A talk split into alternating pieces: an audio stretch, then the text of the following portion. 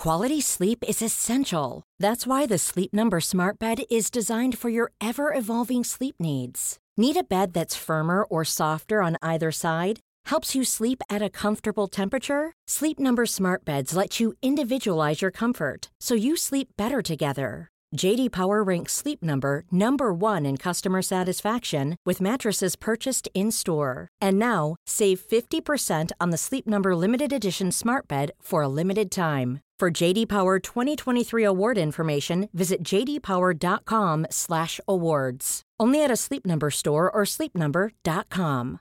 When you make decisions for your company, you look for the no-brainers. And if you have a lot of mailing to do, stamps.com is the ultimate no-brainer. It streamlines your processes to make your business more efficient, which makes you less busy. Mail checks, invoices, legal documents, and everything you need to keep your business running with stamps.com. Seamlessly connect with every major marketplace and shopping cart. Schedule package pickups and see your cheapest and fastest shipping options from different carriers with rates up to 89% off USPS and UPS rates. And with the stamps.com mobile app, you can take care of mailing and shipping wherever you are. Make the same no-brainer decision as over 1 million other businesses with stamps.com. Sign up with code program for a 4-week trial plus free postage and a free digital scale. No long-term commitments or contracts. That's stamps.com. Code program.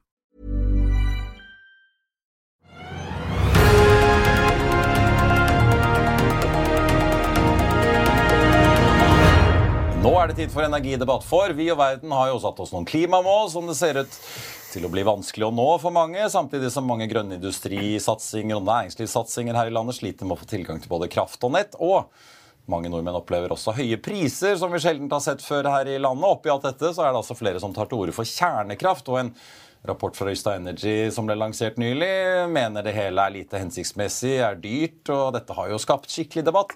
Noen har kalt det et bestillingsverk, mens påstandene fra skeptikerne hagler om at kommuner og andre blir forledet til å tro at atomkraft er en slags redningspakke, og at det også da blir mye dyrere og tar mye lengre tid enn det blir lovet. Vi har fått med oss Jonny Hesthammer, daglig leder i Norsk Kjernekraft, Truls Gullovsen, leder i Naturvernforbundet, og også fra, på besøk fra Stavanger, får jeg si, Martin Hjemmeland, postdoktor da ved Institutt for elektrisk energi ved NTNU. Jeg må jo også bare si det, da, vi har jo selvfølgelig invitert Rystad.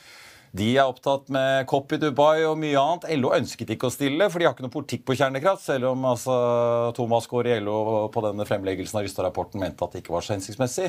Og Fornybar Norge ville heller ikke stille. De henviser til NHO, som også da er i Dubai, får jeg si. Jonny Hesthammer, velkommen. Jeg tenkte vi skulle begynne med deg, for Fredrik Hauge han, han har veldig lyst til å komme. Han er også i COP i Dubai, og han hadde veldig lyst til å si at han er ikke enig med deg i dette kjernekraftprosjektet ditt. Føler du liksom at du har stukket hånden inn i en sånn skikkelig vepsebol, eller hva er det med atomkraft? Ja, altså det, først og fremst er jo fantastisk gledelig å se den entusiasme som nå brer seg utover. altså det er Med den motstanden vi nå opplever fra en del sentrale aktører, så er det tydelig at vi truer noen. Så vi, vi gleder oss over at vi har fått kjernekraft til å bli helt på topp i energidebatten i Norge. Og det var jammen santen på tide. Og så, du er egentlig oljemann, eller har jobbet i oljenæringen ja, så, så, lenge og har Trond Moen med på laget i dette her? Ja, altså I utgangspunktet så satt jo vi i, i, Bergen og gjorde våre vurderinger av hvilke andre ting kan vi investere i. Vi har bygget opp oljeselskapet, jeg har bygget opp flere andre oljeselskaper også.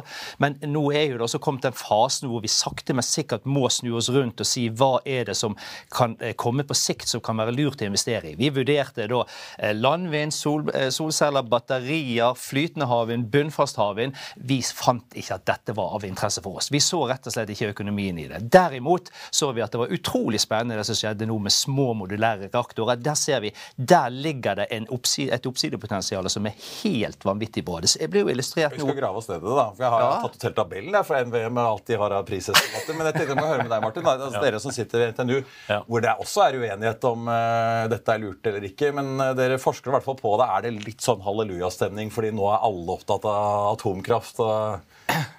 Nei, men eh, altså vår rolle da, som forskere på, i dette forskningsprosjektet som vi har, er jo også å komme fram med de eh, rapportene og funnene som vi, vi finner. Og så er det jo sånn at Et, et universitet har jo en helt annen struktur enn et selskap. Uh, et universitet er veldig flatt, og der er det forskerne selv som er liksom ansvarlige og viktig å være med i den samfunnsdebatten som man er. da. Så selv om det kanskje ser ut fra utsiden ut som om det er høy temperatur på NTNU, uh, så er dette her sunt for samfunnsdebatten at det er ikke bare den vanlige praten i kantinen som nå har funnet veien ut til holdt jeg på å si, våre studioer og Twitter og alt mulig annet? Eh, nei, eh, men eh, at det blir debattert mye, det er uten tvil. For eh, energi det er et særdeles viktig tema å diskutere, og det er viktig at vi kommer fram til de beste løsningene. At man får diskutert alle løsningene. At man har en teknologinøytral approach til, eh, til, disse tingene. Men jeg må jo nesten bare ta det, da. Dere har jo fått refs av egen rektor her. Alle dere som jobber på NTNU må oppføre dere litt. Hvorfor er dette blitt så betent at liksom ja. Sjefen eh, sjøl må ut og liksom be leierne internt roe seg litt? Ja, nei, altså Det var jo litt som vi, vi sa i det igjen, at uh, det, gikk, uh, det, gikk, fort den dagen. Uh, og selv om vi står inne for innholdet i det vi sa, så burde vi kanskje hatt en litt rundere tone. Men som jeg nevnte, det med akademisk frihet den har stått seg sterk. Og det har vært ganske rørende å se hvor mye støtte vi har fått fra andre kollegaer rundt om i både i Norge og utlandet for hvor viktig det er at eh, forskere får lov til å ytre seg om de tingene som de har mest peiling på. Jeg tror dere er skeptiske eh, til dette her, men kjernekraft har jo fordelen at det i hvert fall er CO2-fritt, da. Om ikke annet. Ja, altså masse energiformer som har masse fordeler. Olje og gass har kjempestore fordeler, kull har kjempestore fordeler, og kjernekraft har kjempestore fordeler på hver på sin måte. Men, men problemet med alle disse energiformene er jo at de, de lager også veldig store problemer. Det fossile kan vi ikke bruke fordi det forurenser atmosfæren. Og kjernekraft eh, er jo en skummel løsning som miljøbevegelsen og Norge og veldig mange land har bekjempet i veldig mange år. Eh, Bl.a. og hovedsakelig pga. at det skaper altså et avfall som er forferdelig vanskelig å håndtere på en ansvarlig måte. Det også. Det skaper eh, i mindre grad klimaendringer, men i større grad andre utfordringer. Men Er det primært avfallet, eller er det Avfallet er det største problemet med kjernekraft, og det er også det, det, største problemet med, med, med den såkalte øh, altså moderne, nye generasjoners kjernekraft. Og så kan det skje ulykker, og det kan øh, skje andre ting i, i prosessen. Det er veldig altså kraftfull eh, teknologi med veldig store potensialer for at ting skal gå galt mange steder i kjeden. Derfor har man jo i Norge uh, sagt nei takk til kjernekraft. Og så blir det litt ekstra nå med den nye diskusjonen. Eh, for eh, Jonny og disse andre selger da inn noe til Nei, men nå er det ny teknologi. Nå er det små modulære, bitte små Hver kommune sitt ja. atomkraftverk. Og det er helt uproblematisk. Det er bare å gå og kjøpe, og så ferdig med det. Og så er det underliggende budskapet er at da trenger man ikke tenke på de andre tingene. Energisparing, prioritering og de andre utfordringene vi har i energisystemet. Og da blir det veldig feil på mange nivåer. For, for det første så er ikke disse her reaktorene som han går og selger, de er ikke tilgjengelige. De er ikke engang ferdig utviklet, og de kan ikke kjøpes.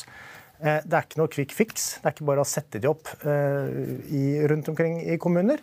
Eh, det koster masse penger, og det har fortsatt disse problemene med sikkerhet og avfall. Så det er ikke det, er ikke det at det ikke nødvendigvis altså Kjernekraft har vi jo i en del andre land. Store, svære saker. Det virker, det også men det genererer store problemer.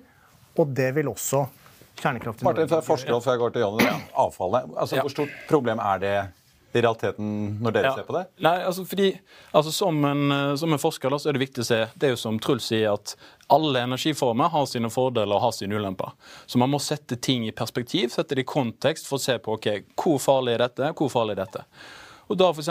EUs vitenskapspanel gjort en, en, en, glimrende rapport i forbindelse med taksonomien som kom for noen år siden, og sagt at moderne kjernekraft er den sikreste energiformen som menneskeheten har skapt. Og Farlighet med avfall det kan trygt lagres på en god måte. Og det er meg bekjent ingen som har dødd av eh, radioaktivt avfall. Det har vært én hendelse i Japan med et reprosesseringsanlegg. Så når man, når man sier at det her er noe som er kjempefarlig, om det ikke finnes en løsning på, så er det vanskelig å forstå liksom, faktaene som ligger bak den uttalelsen. Fordi her viser jo både Finland og Sverige, som nå holder på, at det her går trygt an og mulig å lagre 400-500 meter under bakken. Og i worst, worst case så vil generasjonene som bor oppå dette området om noen tusen år, kunne få en ekstra strålingsdose tilsvarende en banan eller to. I worst, worst case. Så det er ekstremt viktig at man setter tall i kontekst når man uttaler om det er sikkert eller ikke. For Ellers så blir det litt mer sånn skremsel om at eh, nå radioaktiv stråling er farlig. Altså, Jeg er radioaktivt, Johnny er radioaktivt, men det er ikke farlig å sitte med andre fordi den stråledosen som kommer fra meg, er såpass lav. Så man må sette ting i kontekst før man har noen uttalelse. Ja, jeg vil høre, eh, snakke om liksom disse kommunene. Eh, Svein Harald Egar, styreleder i Doff Norwegian, eh, kjent investor, har jo også kommet med en ganske breiside mot dere og mener at dere holder kommuner som Høyanger og som for narr når dere snakker om at her kan man bygge atomkraft og slippe vindkraftparker. Ja, vi kan ikke... Er dette en måte å selge inn litt mer spiselig enn å bare si vi trenger svære atomkraftverk sånn som de har bygget i Emiratene? Nei, for all del. Altså, vi, må, vi må ha respekt for de kommunene som ikke ønsker vindkraft. Det er en rekke kommuner som har sagt nei til det. og Så tenker jeg at det må kommunene få lov å velge sjøl. Så trenger de kraft. De ser at de står i en skvis, og derfor er det 40 kommuner som har tatt kontakt med oss. Men eh, jeg, jeg, ser jo, sånn som når du sier, Truls, at teknologien finnes ikke, det går ikke an å bestille, så var jo det akkurat det samme som Jaran Rystad sa. Eh, jeg kan glede folk med i dag, da.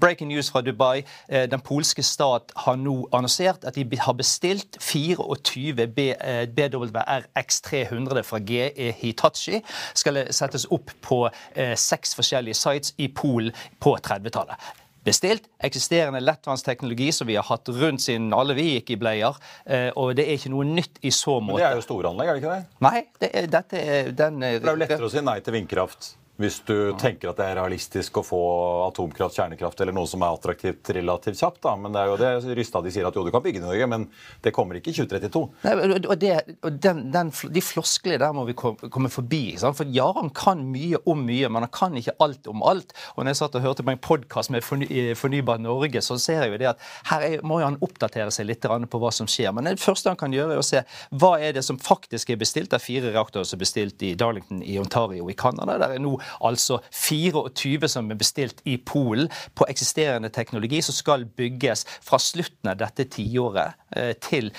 og de første årene på 2030-tallet. Det skjer. Og det er små, modulære reaktorer som tar plassen til en fotballstadion, som kan plasseres i hjørnet på en industripark, hvor du også kan gjøre det lille trikset som eh, Rystad ikke tok med i rapporten. da.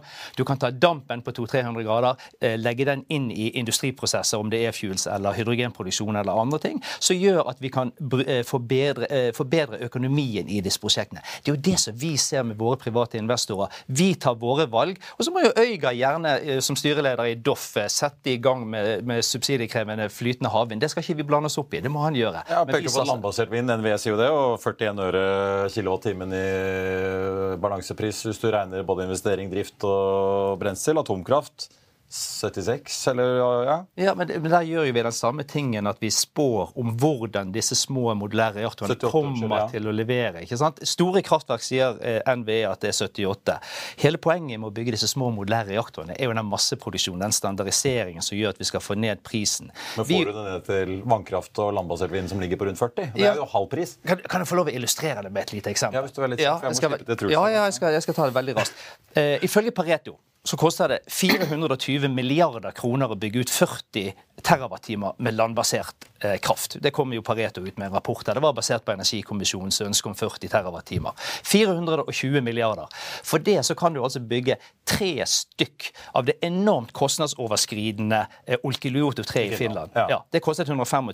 Det koster 375 milliarder å bygge ut tre av de. Da får du akkurat like mye kraft. Men hadde du bygget disse små modulære eh, kraftverkene, så ville du fått faktisk dobbelt så mye strøm. I tillegg til at du ville få varme. Så det, denne floskelen om at vindkraft er så billig. Og så må jo, Det kan jo Martin si litt om, da, men du har jo systemkostnader, nettutbyggingen, eh, hydrogenkraftverkene som må stå der, batteriene som må bygges opp rundt dette. LCOE er jo en meningsløs eh, måleparameter for fornybart. Han var aldri ment for å være for fornybart. Den var ment for eh, regulerbar kraft, som varmekraftverk, eh, som kjernekraft eh, fossilt. Gasskraft ja. Ja. Nå svinger det litt, da, men Kull ligger på 126, så det er i hvert fall ikke så veldig lønnsomt. Truls. Men vi så jo på COP i Dubai nå. Masse land stilte seg opp, inkludert Sverige USA, og var skjønt enige med at nå skulle de bygge masse mer kjernekraft. Og vi har jo sett selv etter Fukushima at mange land, et, særlig etter Russlands invasjon av Ukraina, har fått litt sånn semipanikk og har begynt å finne frem gamle planer om å bygge kjernekraft igjen. Så det virker jo som dette er noe som kommer altså åkke sånn. Det, det kan godt hende det er en del land som, eh, måte, særlig de landene som har erfaring med kjernekraft, at de vil plukke opp eh, Snu på sine utfossingsplaner og satse videre. Og vi ser jo mye av den politiske diskusjonen i Sverige eh, er jo sånn. De har ennå ikke gjort noe. De har hatt nå massiv politisk støtte fra sin regjering, og de har lovt 400 milliarder i subsidier til de som vil bygge kjernekraft ennå ingen av de svenske selskapene som har rekt opp hånda og sagt at vi vil bygge. Så det er jo en, en, en vurdering som dere kan ta i, i, i norsk kjernekraft. Da. Hvis det skal være et selskap som vil bygge og operere kjernekraftverk, så kunne dere jo satse i Sverige. Eh, Men dere er jo egentlig et norsk lobbyselskap som er forkledd som et, eh, et selskap. Eh, Og det synes jeg jo det Men de vil jo bygge kjernekraft. Ja, Ja. men da burde dere jo søke i Sverige. For at nå kan man søke om å bygge kjernekraftverk hvor som helst i Sverige, og da få til og med subsidier som dere påstår at dere ikke trenger, men det står klart i Sverige, og ingen selskaper har søkt. Og ingen svenske selskaper har heller bestilt noen av disse SMR-ene som du nå sier at Polen har bestilt. Så hvis dette hadde vært enkelt og lett tilgjengelig, så hadde sannsynligvis kjernekraftland som Sverige og Finland gjort dette for lenge siden. Og jeg forstår ikke at du rett og slett tror på, og jeg tror egentlig, egentlig ikke du tror på selv, at, at Norge med våre tradisjoner, vår kompetanse, vår helt spesielle kraftstruktur, kommer til å få på plass noe kjernekraftverk i løpet av 2030-tallet. Det, det er en illusjon, og det ødelegger den påstanden om at dette er veldig enkelt. Det ødelegger for en nødvendig energidebatt som vi trenger å ha i Norge, om hvordan vi skal husholdere best mulig med den kraften vi allerede har. For vi bruker altså mest kraft av, per person av alle land vi går an å sammenligne seg med. Mye mer enn alle andre land i Norden, og blant de høyeste i verden. Så vi har et enormt spare- og prioriterings prioriteringspotensial. Og muligheter til å bygge ut annen fornybar kraft på en fornuftig måte. Bare vi roer litt ned på naturødeleggelsene. Og trenger ikke en, på en, måte, en villedende, forenklet debatt om kjernekraft i akkurat Norge. Og har tid, hvis vi prioriterer riktig, til å se hvordan disse her visjonene utarter seg til praktisk virkelighet i land som har erfaring med teknologien. Så i hvert fall er flinke til å ikke bruke naturgass til å varme opp eh, hus og hjem, sånn som britene har. da. Men, men altså, vi, Ja. vi har jo kraftmangel på en måte i teorien. altså Vi er ikke, Ja, altså, jeg- vi har ikke en krise sånn sett, men det er jo veldig mange bedrifter som ønsker å satse i Norge, bygge grønne ting. De får nei. Det er ikke nett, det er ikke nok eh, kraft å få ut. Ja, det- det- det Vi kan jo få vindkraft og solkraft mye fortere enn atomkraftverk, selv om du kanskje kan levere, men det blir jo ikke før 2035, tror du? Jo, det? jo altså, jeg, jeg, det, altså jeg ser jo det at uh, der er et ønske fra, fra myndighetene og fra Truls om at de skal satse på fornybart i stedet og skal bygge ut vindkraft bl.a. Det som jeg tror, jeg, jeg hører det du sier om at vi kan ha eh, eh, reduksjon i forbruk. og Jeg er ikke uenig med de betraktningene. Jeg tenker at det er, det er fornuftig. Når kommunene sier at ikke vi skal bygge dette i Sverige, så er det at kommunene har behov for sine arbeidsplasser. ikke sant? De skal bygge opp industri, de skal bygge opp arbeidsplasser. Det er, vi kunne jo sagt at nei, la oss gjøre det i Sverige, og så er det Sverige som får bygd det opp. Men disse distriktskommunene de ønsker jo å gjøre det sjøl. Men det som jeg tror er den totaliteten som vi må ta inn over oss, som jeg har veldig lyst til å diskutere i detalj med deg, Truls, det er jo det der at halvparten av, fossil, eh, av energiforbruket i Norge er fossilt. Halvparten. Og halvparten av energien vi bruker, kommer ikke ut av stikkontakten. Vi er jo mer elektrifisert enn alle andre land, bortsett fra sånn som Island. Men eh, det som vi ser da, at eh, vi, det er 160 terawattimer med fossil energi, det skal vi elektrifisere. Så hvis vi har en effektiviseringsgrad på 50% som i beste fall, vi skal tross alt ha hydrogen og e-fuels, den typen ting, så reduserer vi det fra 160 til 80. Så sier f.eks. DNV at vi blir en million flere mennesker i 2050. Da kan du legge på 50 TWh til. Og så er det planer, og selv om vi kan si hva vi måtte ønske med det, så sier vi at det er planer om å bygge ut batterifabrikker, karbonfangst og -lagring. Vi skal ha masse aktiviteter. Eh, industri som krever kraft. Så kan du legge på 50 til. Da kommer jeg opp i sånn 180 ekstra terawattimer når jeg gjør mine regnestykker. Og så kan du begynne med trelags vinduer, varmepumper, eh, eh, forbrukskutt. Bidra så mye som vi kan på den siden der. og Jeg er helt enig med deg, Truls, at det må vi faktisk gjøre. Men jeg, vi kommer, når jeg ser på disse tingene, så tror jeg ikke vi kommer lenger ned. Vi kommer til å trenge ytterligere i hvert fall 150 terawattimer. Og da er jo problemet at hvis vi ikke setter i gang med kjernekraft nå, så risikerer vi at svaret blir massiv utbygging av landbasert vind. Og jeg er ikke sikker på at det er det dere i Naturvernforbundet egentlig ønsker. Så faren er at dere tar feil i regnestykkene deres. Jewelry isn't a gift you give just once. It's a way to remind your loved one of a beautiful moment every time they see it. Blue Nile can help you find the gift that says how you feel and says it beautifully with expert guidance and a wide assortment of jewelry of the highest quality at the best price. Go to BlueNile.com and experience the convenience of shopping Blue Nile, the original online jeweler since 1999. That's BlueNile.com to find the perfect jewelry gift for any occasion. BlueNile.com. I'll see you in court. Vi sier det ofte litt på spøk, men for deg som driver business, er det aldri moro å innse at du ikke har laget en 100% gyldig kontrakt. Du bør ikke risikere hele firmaet ditt fordi du synes dette med kontrakter er litt stress. En avtale er ikke en avtale. Du kan miste kunder, miste venner, ja, til og med miste inntekter om du ikke lager en skikkelig kontrakt, på alt mulig, egentlig. Men vi vet det er et styr. Kopimaskiner, tregprinter og haugevis av papir. Dessuten stoler vi jo på folk her i landet. Det er ofte litt kleint å skulle be om en signatur for alt mulig, ja, for mye av styret handler også om jakten på underskriften. Det finnes en enkel måte å løse dette på, Dukkobit, en trygg, effektiv og get this, gratis måte å sikre seg en god natts søvn pluss en juridisk bindende avtale. Dukkobit-appen har de strengeste sikkerhetskrav i bunn, samt en EU-godkjent og sertifisert teknologi. Framover vil det bli behagelig å spørre du, skal vi skrive under på det, eller?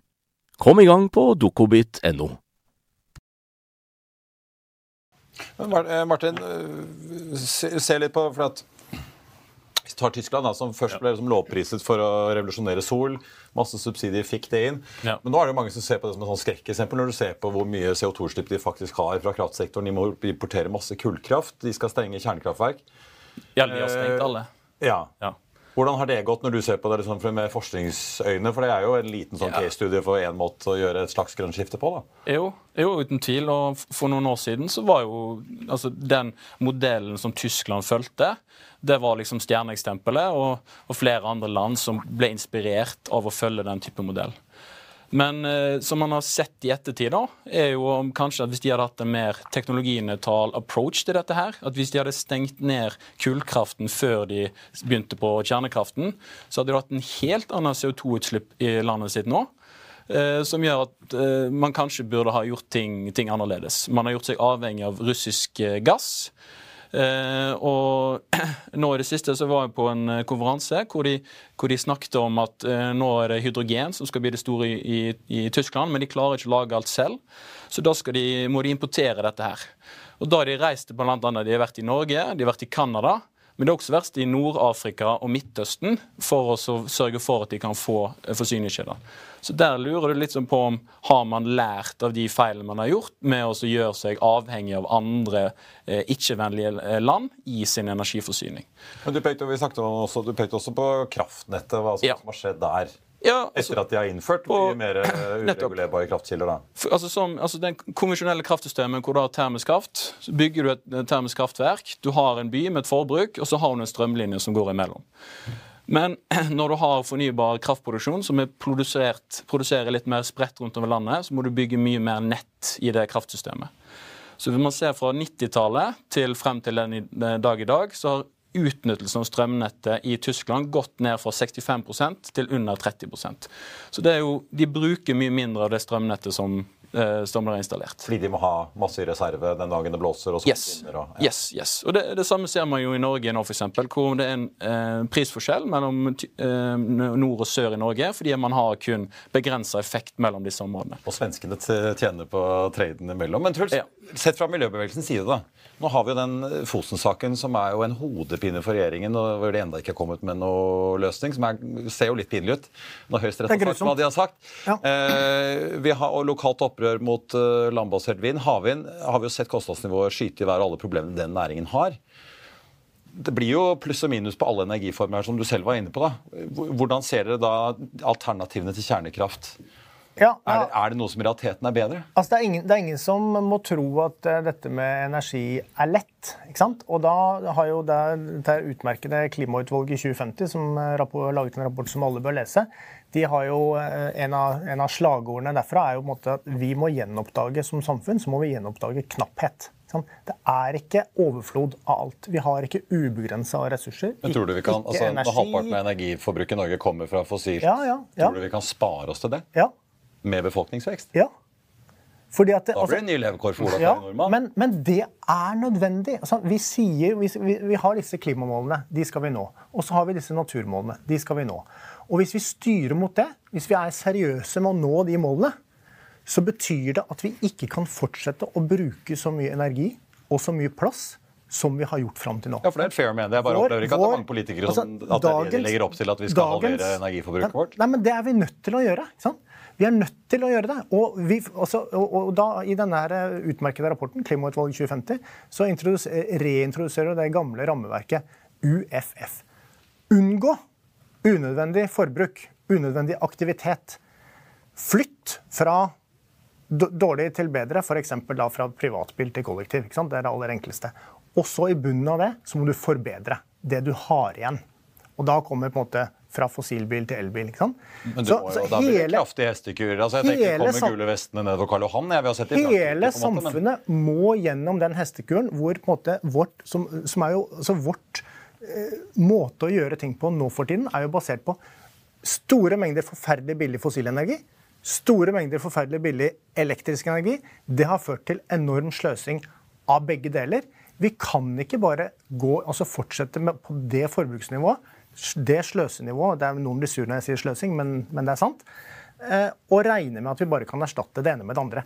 Det går ikke.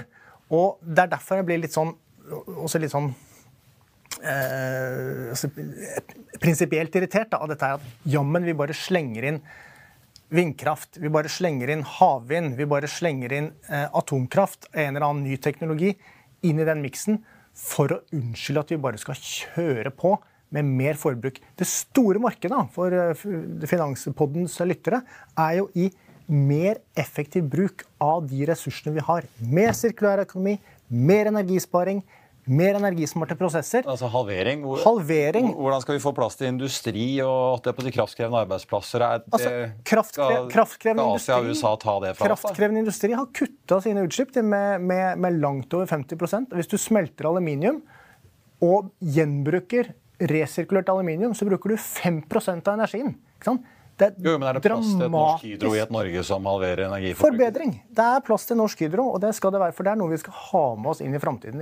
Men det er masse annen sløsing. Tror jeg, skal vi jeg ikke ha med oss inn i framtiden. eh, Men, men, men, men det, som er, det, det som er greia her, er jo at, er at det, eh, det er ikke sant at vi kommer til å ha ubegrensa mengder med atomkraft i Norge i, på 2030-tallet. Det kommer ikke til å skje.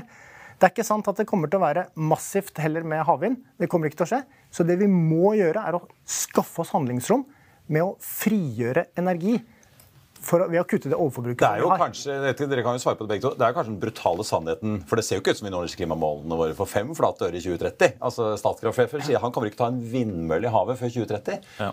Så det er kanskje egentlig den litt brutale sannheten som ingen egentlig kanskje liker å høre, da, hvis vi skal nå disse målene som er satt. Ja, det, det ser ikke lett ut. Og det er ikke lett heller. Men, men, det jo, eh, jeg tenker sånn, eh, hvis, hvis, du først skal betrakte disse tingene, så kan du si sånn eh, Den idealismen som Truls representerer, der er, der er veldig mye bra med det, men jeg tror økonomi til syvende og sist overstyrer det. ikke sant? Sånn at kraftforbruket kommer til å komme. Og hvis du Det illustrerer vel kanskje realismen i den skvisen med at disse målene som er satt i realiteten, hvor ekstremt ja. vanskelig det er å nå, da. Ja, altså vi, vi, kutter jo ikke det fossile forbruket hvis vi ikke har nok kraft. og Da fortsetter vi å bruke det fossile. ikke sant? Altså, så, verden fungerer nå en gang sånn, og det gjør han utenfor Norge også. Norge er tross alt kommet lenger enn mange andre eh, land. Men det som er det viktige her, er at hvis vi trenger kraft, og hvis det nå er riktig, Truls, at, eh, at EUs vitenskapspanel og FNs UNESA har rett i at det er trygt, at avfallet kan trygt håndteres, sånn som de sier eksplisitt. Hvis det er riktig, så er jo fordelen med kjernekraft at den øker forsyningssikkerheten. Eh, udiskutabelt.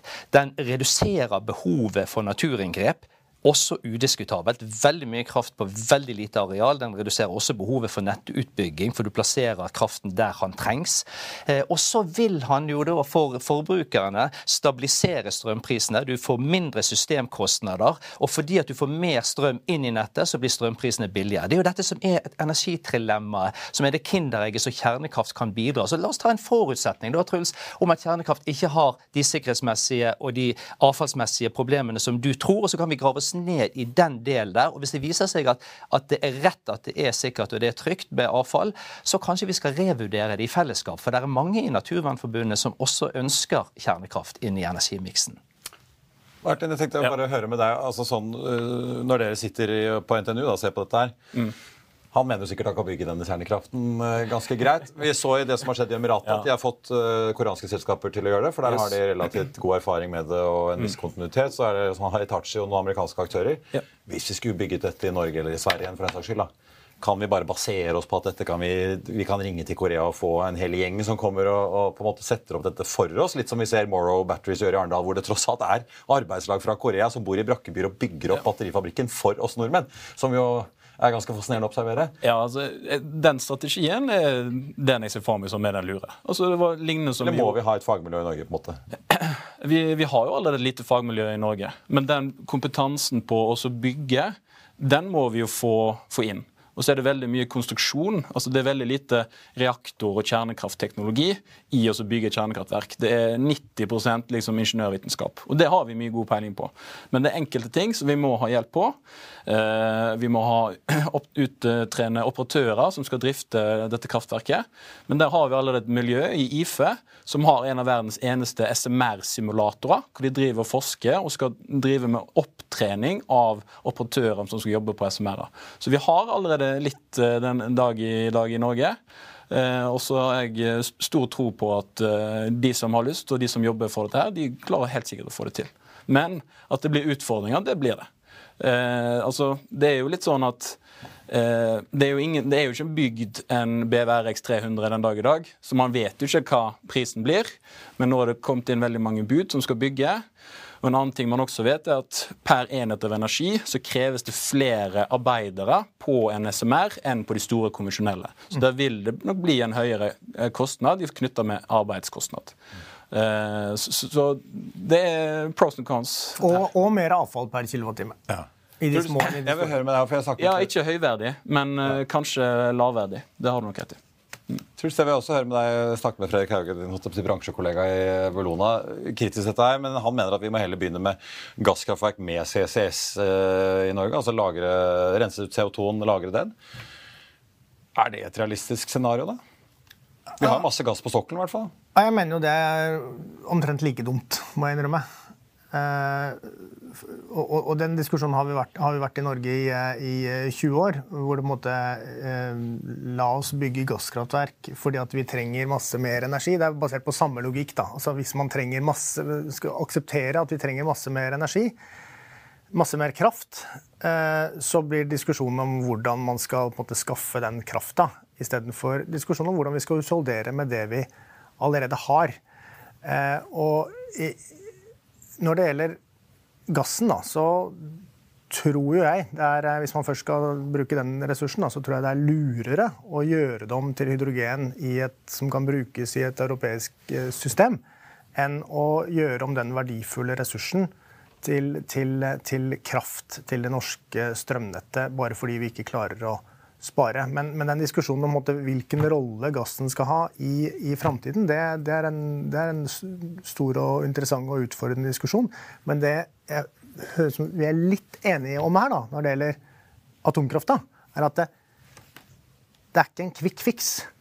Og uansett hvilken løsning vi da skal ha, la oss si fra 2040 eller 50 eller hva som skal være del av miksen på, på det tidspunktet, så er det ingenting som vi har her nå som kan erstatte eller fjerne behovet for å husholdere mye bedre med den krafta vi allerede har. For du støter jo på altså, vindkraft på en enormt stor masse arealer. Vindkraft på land er vanskelig, vindkraft til havs er vanskelig, må miljøkartlegges og gjøres på en fornuftig måte. Kjernekraft er kjempevanskelig. Vi skal ikke bygge ut noen ny vannkraft, for at vi har allerede ødelagt altså vassdragsnaturen. Så det er begrensninger masse steder. Det fins potensial for nærvind, det er potensial for sol på tak og vegger og, og alle mulige ting som kan gi veldig verdifullt tilskudd i i, i, i, det norske kraftsystemet, som allerede har jo fantastisk fleksibilitet med den utbygde vannkrafta. Men uten sparing, uten en kjempesatsing, milliard, mange hundre milliard satsing på å utløse sparepotensialet, så kommer det til å bli unødvendig vanskelig. Og unødvendig mye hastverk og unødvendig mye dårlige beslutninger i tiden som Men dere har en salgsjobb hvis nordmenn skal halvere energiforbruket sitt, da? Ja, men det er fullt mulig. Ja. Jeg kan skyte inn én liten ting der når du sier det. fordi jeg ser jo det, Når du ser på prognosene for kraftforbruket framover, så er det en jevn økning eh, framover mot 2030, og så er det en ganske jevn økning fram mot 2040. Eh, men det er fra 2040 og utover. Det er da de tenker at denne hydrogenproduksjonen skal komme, som skal etablere til, til tungtransport og til hydrogenkraftverk. Veldig energikrevende. Ja, så, så, når du kommer til 2040, så ser vi på forbrukskurvene, prognosene på det, så ser vi at da går det plutselig eksponentielt oppover. Og det er fra 2040 at kan, vi kan få kjernekraft i Norge på 2030-tallet, men vi kan virkelig få det på plass utover på 2040-tallet. Og det er da forbruks, eh, eh, forbruket øker aller, aller mest. Så det passer egentlig tidsmessig helt eh, perfekt i så måte. Men nå, eh, bare til slutt, før jeg går til Martin for å avslutte. Hvis det ikke blir noe av disse små reaktorene, går dere da for de tradisjonelle store som vi har sett i Emiraten og Finland? Nei, vi skal ikke bygge de store. for det, Poenget med de små er at det koster omtrent like mye å bygge en liten modulær reaktor som det koster å bygge ut et oljefelt på 50-100 eh, millioner fat i Nordsjøen. Sånn 15 eh, milliarder kroner der omkring. Det er håndterbart for private penger. Det har vi drevet og gjort i oljeindustrien i alle år. Vi skjønner risikoen med det. Vi vet at vi må ha et avkastningskrav som reflekterer disse tingene. Men når vi gjør våre betraktninger rundt det, så ser vi at det er håndterbart. Vi vet at det er private equity-penger der ute. Der er, eh, der er venturefond som ønsker ønsker å se på dette. Der er pensjonskassefond. Da må du ja, og, statlig. Ja, og, ja, og, husk, ja, og husk når du kommer til 2030, så er veldig mye av risikoen tatt vekk. Vi skal jo ikke ha pengene i dag, vi skal ha det ut på begynnelsen av 2030-tallet. Og da vil mye av risikoen være borte for de investorene som kommer inn. Også forsikring må dere også ha. Forsikring. Ja, ja da, og, det, og det, går, det, det, løser man på samme måte som man gjør. Jeg vet ikke om Trygve Slagsvold Vedum stiller som selvassurandør, men uh, Martin, til slutt, ja. ja, tror du vi får noe avklaring på dette? Altså, når er det vi vet hvis SMR-reaktorene holder? Uh, godt 2030? De, de må Rystad mener at vi får ikke bestilt noe i Norge for 2035. Ja, men, la, oss, la, oss, se til Sverige. da. Altså, de har sagt i deres planer at uh, inntil 2035 så vil de ha to store ekvivalente kjernekraftverk. Så det kan være enten to store eller flere små. Uh, og jeg tror Hvis de sier 2035, så, så er det vanskelig for Norge å kunne klare å slå det, da, mildt sagt. Fordi en satsing på kjernekraft det vil kreve ganske mye. Det er ikke noe som man gjør som en enkeltselskap, men det gjør man som et land. Fordi man må ha mye ressurser og lovverk og regulator på plass som skal være i stand til å håndtere dette. Så det eh, men fra 2035 og utover så eh, bør det være mulig? Da er det store, store muligheter. Ja. Uten tvil. Men bare for, hvis jeg kan få ja. kommentere på den energieffektiviseringssaken.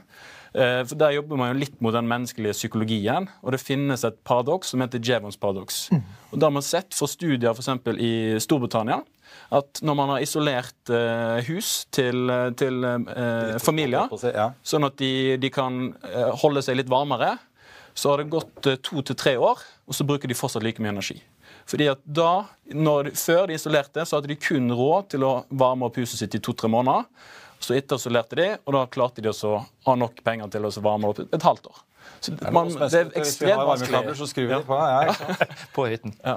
Mine herrer, Martin Ja. Ebeland, Jonny Hesthammer og Truls Gullåsen, tusen takk for at dere kom. Det, debatten er i hvert fall ikke over, men veldig hyggelig at dere ville komme her og drodle litt. For får vi si. Så får vi være enige om at Terje Aasland han har fortsatt en flokkammerløs etter en høyesterettsdom. Og så får vi også være enige om at kjernekraft får vi i det landet enten vi liker eller ikke, for svenskene og finnene produserer, og kabler over grensen er det. Så kjernekraft innen norsk kraftmiks, det har vi uansett.